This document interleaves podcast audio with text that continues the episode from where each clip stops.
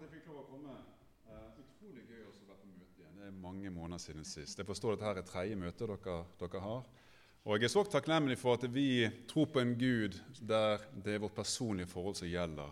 At vi faktisk kan lovprise Gud i våre hjem og våre hus. Men dette fellesskapet av troende er utrolig viktig, og jeg er utrolig glad for at vi kan begynne å, å, å samles igjen. Så mitt navn er altså Eivind Johannes Lindsjøen. Jeg er gift med Nadia. Vi har tre viltre barn. eller Den ene han er bare ni måneder, så han har ikke rukket å bli så vilter ennå. Men vi har to døtre. og Vi har vært der noen ganger. Eh, dere husker kanskje hun ene, hun ene av døtrene hun løp rett på en varm kaffekopp. Så hun har, et, hun har et fint minne på armen etter første møte på Vigestad. men eh, de hadde det veldig bra. Men så ble de syke igjen eh, nå, så de måtte holde seg hjemme. Så eh, det er bare jeg her, eh, her i dag. Vi er misjonærer, har vært utsendt av NLM Eh, og MAF til Øst-Afrika siden 2006. Eh, akkurat nå så bor vi nede på Ogna, rett sør for Vigrestad her.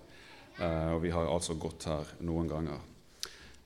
Og som misjonær så, så, er det visse bøker i Bibelen som taler spesielt til meg. Det er masse tekster i Bibelen om misjon og om misjonstjenestene, f.eks. Paulus, og vi har misjonsbefalingen, og vi har versene om de store hvite åkrene. Det er mange vers å ta tak i når vi skal snakke om misjon.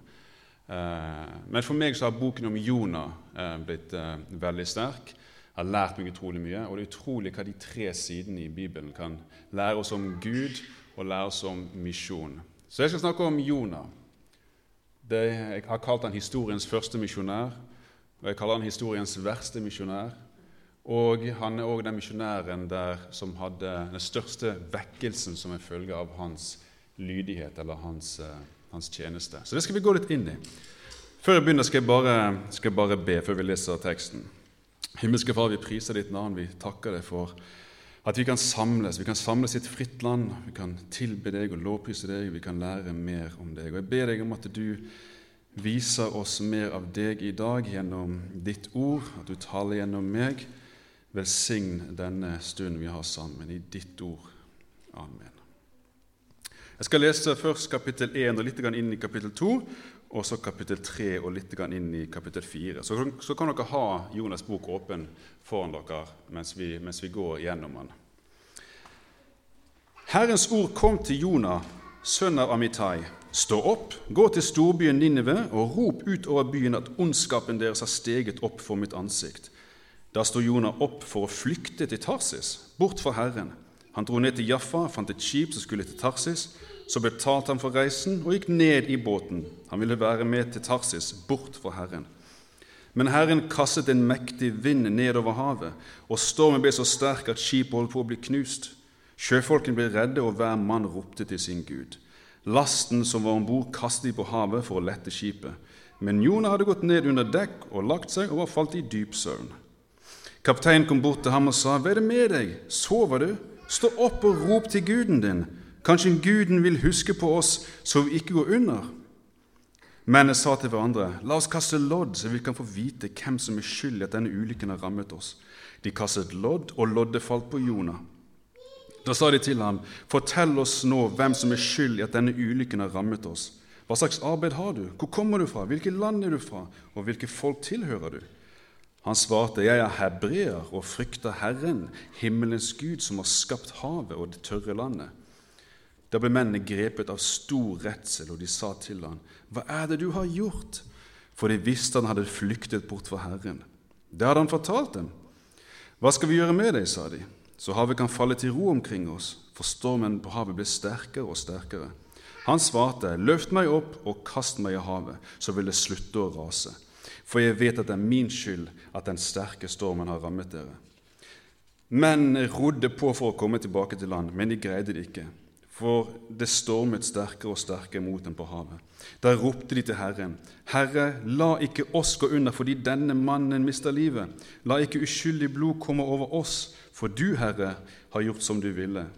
Så løftet de Jonah opp og kastet ham i havet. Da holdt havet opp å rase og ble stille. Mennene begrepet av stor frykt for Herren. De ofret slaktoffer til Herren, og de avla løfter.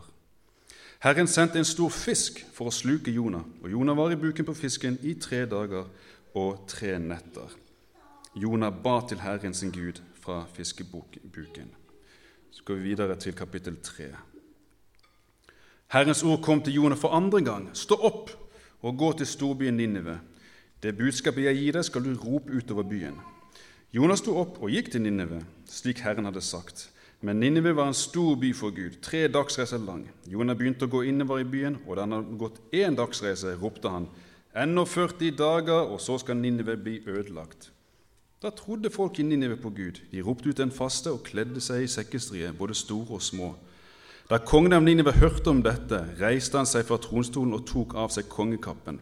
Han kledde seg i sekkestrie og satte seg i aske. Han lot rop ut i Ninive, etter påbud fra kongen og hans stormenn. Ingen, verken menneske eller dyr, storfe eller småfe, må smake noe som helst. De skal ikke beite og ikke drikke vann. De skal kle seg i sekkestrie, både mennesker og dyr, og rope til Gud av alle krefter. Hver og en skal vende om fra sin onde vei og fra sine overgrep.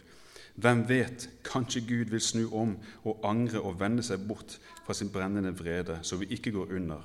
Gud så hva de gjorde, at de vendte om fra sin onde vei. Da angret Gud på det onde han hadde sagt han ville gjøre mot dem, og han gjorde det ikke. Men dette mislikte Jonas sterkt, og han ble sint. Han ba til Herren, 'Herre, var det ikke det jeg sa deg var mitt eget land?' 'Derfor vil jeg skynde meg å flykte til Tarsis, for jeg vet at du er en nådig og barmhjertig Gud.' 'Du er sent til vrede og rik på miskunn, så du angrer ulykken.' 'Men nå, Herre, bare ta livet mitt, for jeg vil heller dø enn leve.' Som jeg sa, boken om Jonah er den første misjonshistorien i Bibelen. Det er flere tilfeller i Bibelen der folk eh, blir sendt av Gud for å fortelle om Han, eh, for å advare folk, også til nabostammer, for å varsle om Guds straff. Men Jonah er den første internasjonale misjonær vi egentlig møter i Bibelen. Og Dette er 800 år før Jesu fødsel og misjonsbefalingen. Og Historien om Jonah er òg en av de første historiene vi lærer som barn. Eh, og Mine barn de elsker historien. De har en lyttebok av en som heter Wendy Anette Gjerstad, og de synger med på en sang. Sånn, 'Jona, stå opp, for jeg trenger deg'. Og De er veldig fascinert av denne, her, eh, denne her fisken som kan svelge og senere gulpe opp på land. En motvillig og sta profet. Og Det finnes mange lærde som bestrider eller faktisk tviler på at den hendelsen faktisk fant sted, for de finner det så usannsynlig at et menneske kan bli svelt av en fisk og overleve tre dager i buken. Men jeg finner det alltid litt sånn absurd når eh, vi stusser over slike overnaturlige hendelser eller mirakler eh, i Bibelen. For Hvis vi bekjenner vår tro til allmektig Gud som skapte hele universet, hvorfor har vi da vanskeligheter med å forstå at Gud kan i dette tilfellet sende en stor fisk for, å, for i dette tilfellet lære Jonah en lekse og få han til å ombestemme seg? Folk har problemer med jomfrufødsel, folk har problemer med at Jon, nei, Moses delte Rødehavet. Folk har problemer med skapelseshistorien, eh, men de sier likevel at de tror på en allmektig Gud. Eh, og jeg finner denne, disse problemstillingene absurde. Han er Gud, og den minst viktige detaljen i historien om Jonah er at han blir svelget av en fisk. For min del så kunne det vært en krabbe. Gud er allmektig, og hans ord er sant, og alt er mulig for han. Men for de av oss som trenger litt mer empirisk bevis for at dette faktisk skjedde, så kan det nevnes at Jesus bekrefter det i Matteus 12,40. Her refererer Jesus til Jonah, ehm, og han sammenligner Jonas tre dager i buken med sin egen død og oppstandelse. Og Hvis du leser i Salme 135, så er det et interessant vers, eh, vers 6. Alt Herren vil, det gjør Han, i himmelen og på dypet, i havet og i alle dyp. Så der har vi det. Gud gjør akkurat hva han vil for å få gjennom sin plan. Så enten tror vi på en allmektig Gud som skapte og opprettholder universet, eller så gjør vi det ikke. Så det store mirakelet i historien om Jonah det er altså ikke fisken som slukte en profet og senere gulpet han opp. Mirakelet i historien om Jonah mener jeg har kommet helt i skyggen av selve fiskehistorien. For Hvis jeg spør deg hva tenker du på når jeg sier Jonah, så tenker folk med en gang på fisken. For tenk på hva mirakelet var at det på ett øyeblikk så vendte 120 000 mennesker om fra synd og ondskap i dåtidens mest fryktede hovedstad. Dette er det største enkeltvekkelsen som er registrert i hele Bibelen. Og jeg tror den største enkeltvekkelsen som er registrert i historien. Jeg har ofte tenkt på historien om Jonah og Ninive, spesielt de siste årene når jeg har vært ute som misjonær. Med andre ord ikke pga. fisken, men pga. at jeg identifiserer meg med Jonah, og alt denne historien lærer oss om Gud. For det har vært mange hendelser i mine år som misjonær der jeg til fulle har fått et lite glimt av menneskets onde natur. Og som en reaksjon på denne ondskapen som jeg har sett, så jeg har opplevd å ha en forakt for de menneskene som Gud har kalt meg til å tjene. Og jeg har ønsket å dra i motsatt retning og gjøre noe helt annet enn å formidle Guds kjærlighet til disse menneskene. Selv om det er akkurat det Gud har kalt meg til å gjøre. Formidle Hans ord, fortelle om Hans lov og dom som kommer, men òg budskapet om nåde og frelse. Så historien om Jonah lærer oss flere viktige ting, og jeg har valgt å samle disse her i tre punkter. 1. Gud er suveren, og alt er under hans kontroll. Guds ord og frelse det gjelder for alle folkeslag. nummer to. Og nummer tre Gud bruker oss på tross av våre svakheter, og ikke på grunn av våre styrker. Så Hvis vi begynner med Gud er suveren, og alt er under hans kontroll, Jonas' bok begynner med at han flykter fra Gud. I vers 2 i det første kapittelet så rekker Gud knapt å si ordet Ninive før Jonah allerede i vers 3 er på sprang. Og Vi kan spekulere i hvorfor, hva som gjør at Jonas så spontant ikke ville adlyde Gud. Var det størrelsen på oppdraget? Var det i frykt for asyrernes respons på budskapet han kom med? Var det fordi Jonah tvilte på at Gud faktisk kunne forandre hjertene til menneskene i Ninive? Nei, teksten sier ikke noe om de tingene. Tvert imot så kan vi faktisk lese. Vi har svaret i kapittel 4, vers 2. Å Herre, var det ikke det jeg tenkte da jeg ennå var i mitt hjemland? Derfor prøvde jeg først å rømme til Tarsis, for jeg visste at du er en nådig og medhjertig Gud, langmodig og rik på miskunn, og at du kan endre din plan så du ikke lar ulykken komme. Jonah flyktet ikke fra Guds oppdrag og kall fordi han manglet tro. Han manglet ikke mot, Jonas' problem med oppdraget var at han hatet asyrerne.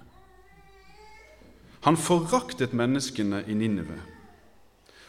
Og Dersom du kjenner litt til asyrernes og datidens asyrere, så har du sannsynligvis lite problemer med å forstå hvorfor Jonah hadde en så dyp forakt for disse menneskene. Ninive var hovedstad i datidens Asyria, og i dag så utgjør det det nordlige Irak, eh, der kurderne holder til. Og eh, Byen var enorm, som det står beskrevet. Han var omgitt av 30 meter høye murer. De var så breie at du kunne ha hestekjerre på dem. Eh, og Det tok tre dager å krysse byen til fots. Og I kapittel 11 så leser vi at befolkningen var på over 120 000. Asyrerne var Israels fiender. På den tiden så levde israelerne i fred. Eh, faktisk Israels rike rakk helt opp til Damaskus på denne tiden. hvis ikke det er helt feil. Eh, men det var, en, det allikevel var en fiendskap mellom asyrerne og israelerne. Og Asyrerne var beryktet for enorme grusomheter. At til og med ISIS sine bestialiteter de blekner eh, i forhold. Og Profeten Nahum han, han, gir oss et lite innblikk i dette i hans bok, kapittel 3. Eh, så Som mennesker så forstår vi hvorfor Jonas' forakt for dette folket og hans uvilje til å gå til dem. Og du kan tenke deg selv, I 2014-2015 ville du tatt på deg oppdraget til å dra til Raqqa og forkynne evangeliet til ISIS. Jeg tror alle her hadde vært veldig skeptiske til å, til å gjøre det. Og Dette er noe av konteksten vi må forstå Jonas' handlinger ut ifra. Jonas' tro på Gud var så sterk at han nødde ikke bare med å si nei og så bli værende i hjemlandet Israel. Nei, han ville bort ifra Gud, og han ville så langt bort som tenkelig mulig, slik at Gud måtte finne en annen til å gjøre jobben. Og Mest sannsynlig så var Tarsis helt vest i, i Middelhavet, langs sørvestkysten av, av det, det, som i dag er Spania. Eh, han ville med andre ord så langt bort fra Gud som mulig. Og Når vi ser hvordan Jonah flykter fra Gud, hans oppdrag og Guds plan med Jonah, så ser vi hvordan hele reisen er en reise nedover. Det er en reise ned til havnen i Jaffa. Det er en reise ned i båten, og så senere så synker han ned i havdypet. Og Når han ikke kan komme lenger ned, så er det at han ingen annen plass å vende seg. Det er da han kaller på Gud. Og som et apropos, det er der Gud vil ha oss, når vi ikke har noen annen vei å vende oss enn til Han. Jeg kalte på Herren i min nød, og han svarte meg. Jeg ropte om hjelp fra dødsrikets dyp, og du hørte meg. Og så avsluttes sin bønn i kapittel 2. Men jeg vil ofre til deg med takkesang. Det jeg har lovet, vil jeg holde. Frelsen kommer fra Herren. Og Det er her nå vi ser så tydelig Guds suverenitet og kontroll. Når du, når du, går til Google Translate, så taster du inn eh, ordet 'suveren', så får du opp et merkelig svar. Du får opp 'superb'. Og eh, Det viser at vi noen ganger mister ord sin egentlige betydning. Og På norsk så bruker vi ennå ordet 'suveren'. Vi bruker det mest om eh, sportsstjerner og sportsatleter. Magnus Carlsen han er suveren i sjakk, f.eks. Og Northug var suveren i, i skisporet. Men ordets egentlige betydning det er i konteksten suveren makt, eneveldig, som i en suveren nasjon med en suveren hersker. Og Gud er universets suverene herre og suverene myndighet. Og For å understreke her så vil jeg bare stoppe litt opp. Gud har ikke overlatt noe som helst i dette universet eller historiens gang til tilfeldigheter. Bare la meg si det en gang til. Gud har ikke overlatt noe som helst i dette universet eller historiens gang til tilfeldigheter. Gud har skapt hvert minste atom, hvert minste molekyl, og han har forfattet historien fra skapelse til slutt. Hvis dere har Bibelen eh, foran dere, slå opp i Jesaja 46, 46 Jesaja 46, 9-10. Husk de første ting fra gammel tid, for jeg er Gud og ingen annen. Jeg er Gud og ingen er lik meg. Fra begynnelsen forteller jeg slutten. På forhånd forteller jeg det som ikke har hendt. Jeg sier, min plan står fast. Alt jeg vil, det gjør jeg. Og Så kan vi gå til ordspråkene 16, vers 4. Herren skapte alt for et, forhold, for et formål, også den urettferdige for ulykkens dag. Og Hvis du går ned i samme kapittel i ordspråkene, til vers 33, så står det terningene kastes på fanget. Hvordan den faller, bestemmer Herren. Ha det spesifikke verset, dette siste verset om terningene, ha det i, i minnet når vi leser om hvordan sjømennene på eh, kasta lodd om hvem som var skyld i stormen som rammet dem. Så Bibelen er altså full av vers som underbygger dette klare faktum at Gud er suveren, og at ingenting skjer utenfor hans kontroll. Men så vil jeg bare legge i tillegg at uh, Gud responderer også på menneskers handlinger.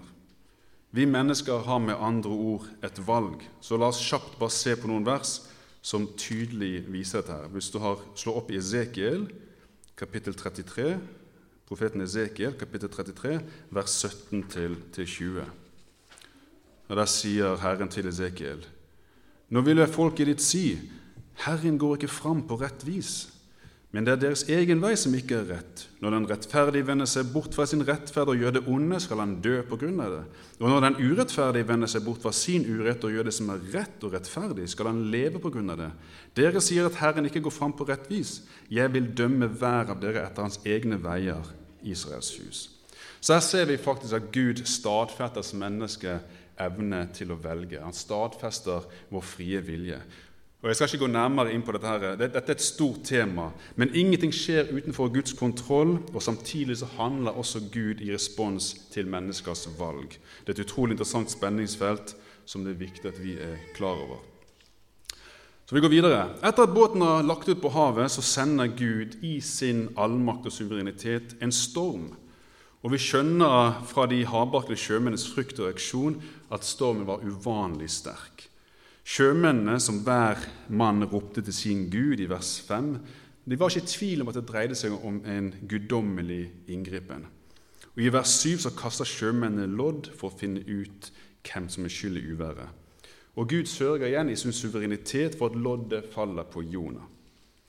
Uvillig til å kaste Jonah på sjøen så prøver de ro i land, men til ingen nytte.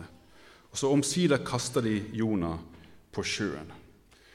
Og Så leser vi videre hvordan Gud sendte en stor fisk for å svelle Jonah, hvor han ble holdt i tre dager og tre netter.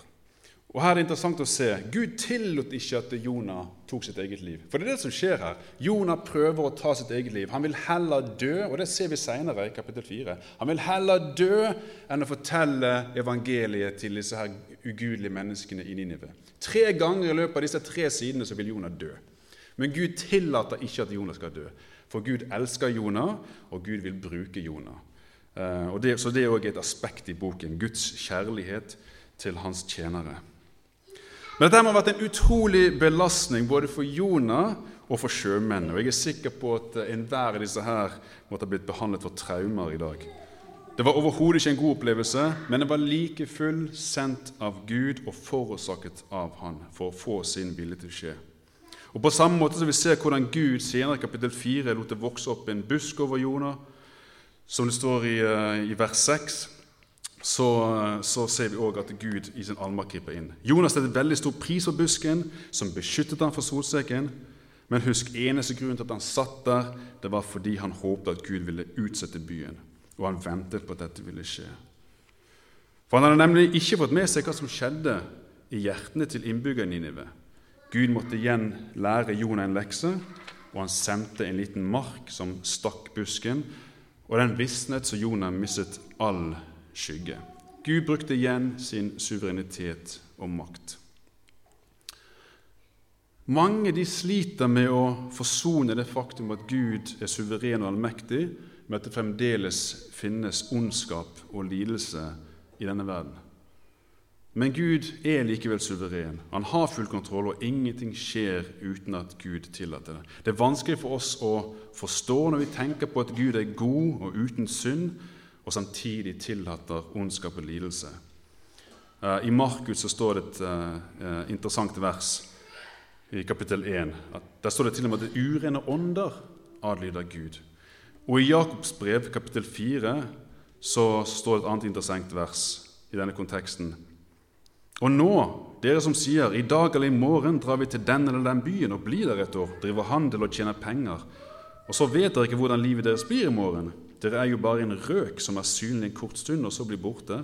Dere skulle heller si, om Herren vil, så får vi leve og kan, og kan gjøre dette eller hint. Så om Herren vil det, disse, disse, disse, tre ordene de, de kan og de bør være noe som vi lever etter som kristne. Guds ord etterlater ingen tvil om at han er suveren og allmektig, og at han er virksom. Dette her er en hel bibelstudie i seg sjøl, eh, og det er veldig viktig at vi som kristne også lærer å kjenne denne siden av Gud. At det finnes ondskap, samtidig med at det finnes en god Gud. Og at det ikke er et mysterium som vi bare må godta. Skriften taler utfyllende om dette, og vi leste i ordspråkene Herren skapte alt for et formål, også den urettferdige for ulykkens dag. Og Det er også derfor Gud har gitt oss Jobbs bok. Så Gud er aktiv, han har kontroll, og han har en frelsesplan som har pågått helt siden syndefallet. Og Gud vil se til at hans vilje og plan fullendes. Og Jonas' oppdrag til Ninive var en del av denne her flere tusenårige planen. Og når denne fullendes, da er det slutt på all lidelse for den som er i Jesus Kristus. Skal vi gå videre her i, i punkt to. Guds nåde og frelse det gjelder alle folkeslag.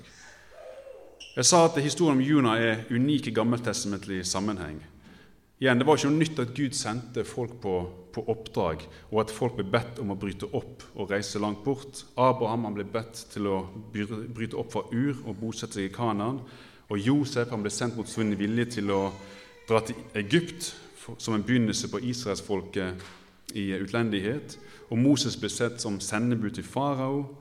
Eh, og helt fra Abraham så ser vi Guds plan for ett folk i én nasjon.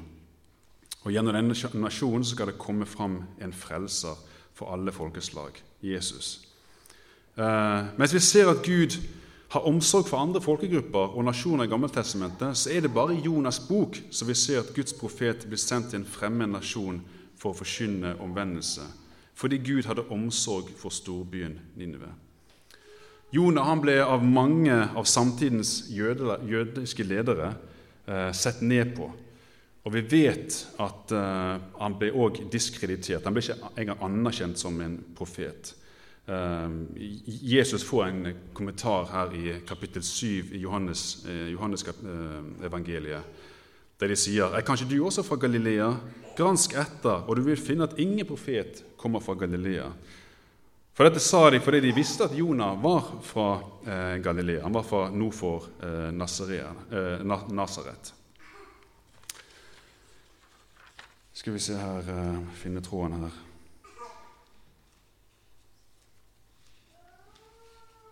Så allerede før det som vi beskriver som hedningenes tid, så ser vi hvordan evangeliet forkynnes til folkeslagene. Vi ser at Gud ønsker samfunn og frelse for alle folkeslagene. Asyrerne de var fiender av Israel, og de var onde mennesker. Men det var derfor Gud ville sende Jonah. Han ville at de skulle vende om og leve etter hans vilje.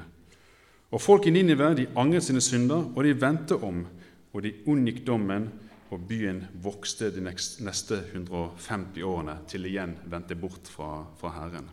Men det er interessant, de, bare, de unngikk ikke bare Guds umiddelbare straff da, Folk i Ninive de ble frelst, og de skal stå sammen med resten av de frelste på dommens dag og dømme med Kristus. For det leser vi i Matteus kapittel 12.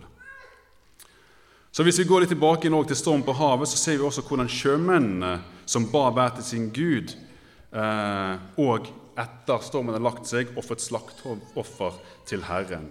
Så Jesus' frelsesverk det gjelder alle folkeslag og til alle tider også 800 år før han døde for disse menneskene. Og så er det videre til punkt tre her. Og jeg synes Dette er det viktigste. Dette, er det som har blitt viktig for meg i hva jeg har lært av eh, historien om Jonah. Gud bruker oss på tross av våre svakheter og ikke på grunn av våre styrker. Eh, for jeg har flere ganger kjent på noen av de samme følelsene som jeg tror Jonah kjente på. Eh, for et par-tre år siden så skulle jeg eh, tale på et møte og jeg skulle fortelle om MAF og misjonstjenesten. Og så var det på forhånd sendt ut en eh, annonse.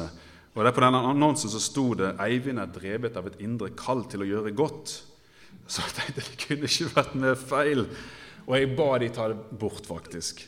Um, og Dette var kort tid etter da vi hadde evakuert fra, fra Sør-Sudan. Uh, der vi opplevde borgerkrigen på nært hold i noen uh, julidager i 2016. Og Jeg og et par kolleger vi hadde et svært uhyggelig møte med noen soldater i, Juba der vi ble sparket og slått. Jeg lå nede bl.a. en soldat. Han sparket i meg i hodet. Og eh, Senere så ble det fortalt at disse soldatene de, de, sa til hverandre la oss bare skyte dem. La oss skyte dem. Um, så sammen med veldig mange andre ting òg jeg har sett, så følte jeg en forakt for disse menneskene. Jeg møtte også en kollega som fløy for annet, en annen misjonsorganisasjon. Jeg møtte ham på, på rampen i, i en tebbe. Han kom akkurat ned fra Sør-Sudan. Så sa han til meg 'Eivind, du som jeg hater det landet'. Og det, Du forventer ikke å høre det fra en misjonær, men du som jeg hater det landet. Han likevel sendt der overbevist om at Gud hadde sendt ham, og Gud elsker de menneskene. Dette er noe vi kan føle på når vi jobber i, på sånne, sånne plasser. Og eh, mange ganger har jeg også stått på flystriper og diskutert helt urimelige krav om landingsavgifter på mange tusen kroner. Og jeg har blitt truet med arrest og deportasjon. Vi har vært borti så mange ting. Eh, så disse og mange andre hendelser de har fått meg til å ønske meg langt bort fra Afrika og en ondskap og likegyldighet som ville vekket avsky i ethvert menneske med et moralsk kompass sånn noenlunde i vater. Men min misjonstjeneste den var ikke drevet av et indre kall til å gjøre godt. For Hadde den vært det, så hadde jeg ikke vært der i alle de årene. Da hadde jeg dratt derfra for mange år siden. Jeg sier ikke det at jeg ikke har noe hjerte for menneskene som jeg har bodd og jobbet blant disse årene. Jeg har felt mang en tåre for folk i Tanzania og Kenya, Sør-Sudan og Uganda. Og jeg har kjent på en sann kjærlighet for mange av de menneskene jeg har møtt. Vi er skapt med empati og omsorg, og jeg er overbevist om at også mennesker uten kjennskap til Jesus kan kjenne på en medlidenhet for andre mennesker. Gud har lagt denne kunnskapen om godt og ondt i oss i oss. Han har lagt en samvittighet i oss gjennom skapelsen. Så vi kjenner til rett og galt i kraft av vår gudgitte menneskelige natur. Men vi lever i en fallen verden og på tross at vi har en samvittighet som sier skal så rett og galt, så kjenner vi også lysten til det onde. Eh, og eh, vi bare tar fram et vers fra Markus i kapittel 7, tre vers der, Markus kapittel 7. For innenfra menneskehjertet kommer det onde tanker. Hor, tyveri, mord, ekteskapsbrudd, grådighet, ondskap, svik, utskeielser, misunnelige øyne, spott, hovmod, vettløshet. Alt dette onde kommer innenfra og gjør mennesket urent. Så dette er menneskets falne natur, og vi ser det overalt. Og vi ser gjennom hele Bibelen fra perm til perm hvordan Gud likevel bruker mennesket til å fullbyrde sin plan. Skriften er tydelig på å få fram svakhetene og feilene i alle disse store personlighetene i Bibelen, og dette med en uh, hensikt. Ta kong David, for eksempel, forfar til Jesus. Han var utro med en annen manns kone, og han sørget for å få mannen drept. Moses han drepte en egypter i sinne over hvordan han behandlet en israelitt. Og Saul, som senere ble apostelen Paul, forfulgte de kristne og fikk de kastet i fengsel og, og drept. Peter han, han sviktet Jesus når det gjaldt som mest. Og I likhet med alle disse personene til fulle av feil, så bruker Gud ufullkomne mennesker i dag for å utbre Hans rike. Så vi driver ikke misjon og hjelpearbeid av egen vilje fordi vi som mennesker på bunn er så gode, og fordi vi ønsker godt.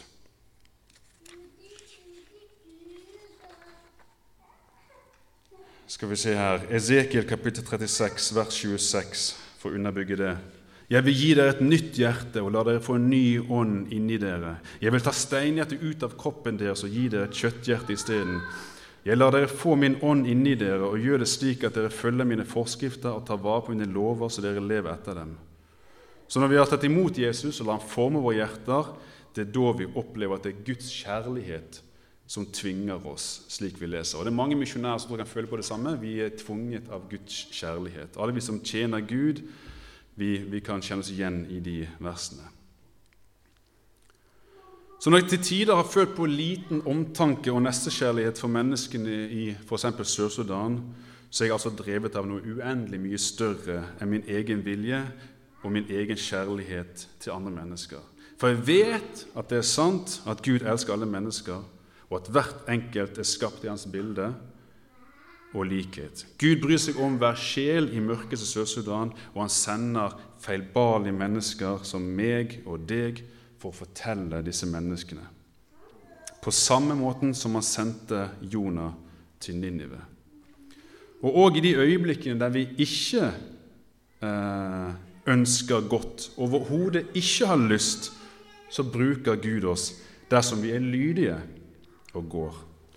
Med andre ord, Han er ikke avhengig av vår godhet og ueffeilbarlighet for å få gjennom sin vilje. Han bruker oss på tross av oss. Så Jonah var ikke bare historiens første misjonær, som jeg sa, han var sannsynligvis historiens verste misjonær. Han var ulydig helt fra begynnelsen. Ikke bare nektet han å gå, men han flyktet i motsatt retning. Og Da han skjønte at Gud sendte en storm for å stoppe ham, så ville han heller dø i de frådende bølger enn å snu og reise til Ninive. Og etter å ha advart menneskene i Ninive så satte han seg forventningsfullt ned for å se på at Gud skulle ødelegge byen. Og da det ikke skjedde, så ble Jonas så sint at han ville dø. Han var en sint mann. Jonas hadde ingen omtanke eller kjærlighet til folket i Ninive. Han var den verste misjonæren i historien, men står like fullt bak historiens største vekkelse.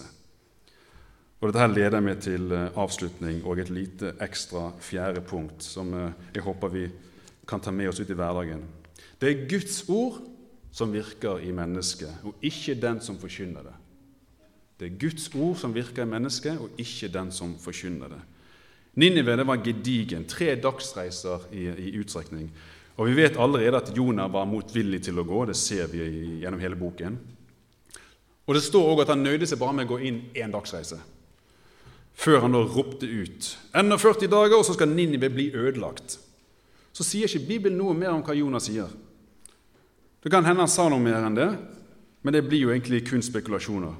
Og I lys av Jonas' motvilje til å gå i utgangspunktet og hans enorme skuffelse over at Gud ikke ødela byen, så tror vi kan være veldig sikre på at det budskapet ikke ble levert på en kjærlig og elegant måte. Jeg tviler på at Jonah prøvde å overbevise innbyggerne om at de var verdifulle og elsket av Gud. Jonah han preket dom, og han preket ødeleggelse, og han gjorde det ut av plikt. Men så ser vi det utrolige at folk i Ninive de trodde på Gud. De ropte ut faste, og de kledde på seg i sekkestrie, både store og små. Til og med den mektige kongen i Asyria tok, seg, tok av seg kongekappen, og han befalte at hver og en måtte vende om fra sin onde vei. Og så står det at Gud angret på det onde han hadde sagt han ville gjøre mot dem, og han sparte Ninive. Så for oss kristne, misjonærer, pastorer og evangelister, så vel som alle oss hverdagskristne, hverdagsvitner på sekulære arbeidsplasser, så er dette en utrolig viktig og tydelig påminner.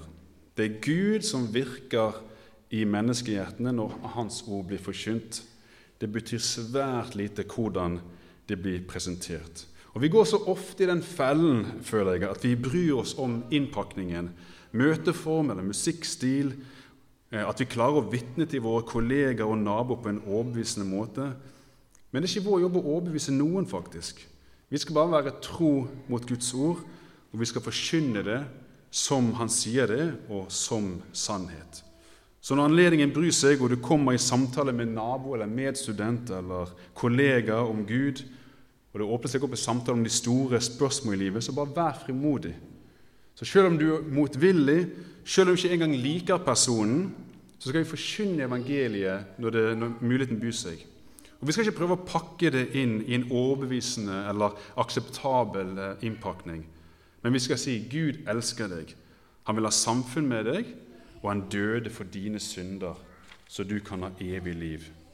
Uten Jesus er du fortapt, jeg sier dette fordi Jesus elsker deg. Han har befalt meg å elske deg. Hvis du bekjenner at Jesus er Messias, er din frelser, vil du ha evig liv. Og jeg lover deg, basert på Skriften, at Gud vil virke i denne personens hjerte. Kanskje ikke vi vil se resultatet, kanskje ikke vi vil se responsen, og kanskje ikke engang blir noen respons. Men vi gjør det ikke for å se fruktene av våre anstrengelser. Det er Guds verk. Vi er Hans sendebud, så vi skal være lydige, og så vil Gud gjøre resten. Det er det jeg har kunnet dra ut av Jonas' bok. Eh, skal, vi, skal vi be. Himmelske Far, vi priser deg. Vi takker deg for at du har gitt oss ditt ord, gitt oss Skriften, og gitt oss historien om Jonah. At du viser oss at du bruker oss dersom vi er lydige. At du bruker oss på tross av våre feil og mangler og våre trass og vår uvilje. Gode Gud, jeg ber om at du likevel må vekke inn din kjærlighet til menneskene rundt oss. Og når vi ikke kan eh, ikke fordra det, ikke kan like det, og det, vi, har det, vi, har det, vanskelig med våre egne ting, at vi allikevel kan være lydige og elske vår neste. Hjelp oss, Gud, hver dag til å se folk rundt oss og forkynne evangeliet usminket Velsign denne nye uken når vi går ut i våre arbeidsplasser, studieplasser nabolag. Og la oss være dine lyse vitner der vi går. Vi ber i ditt hellige navn.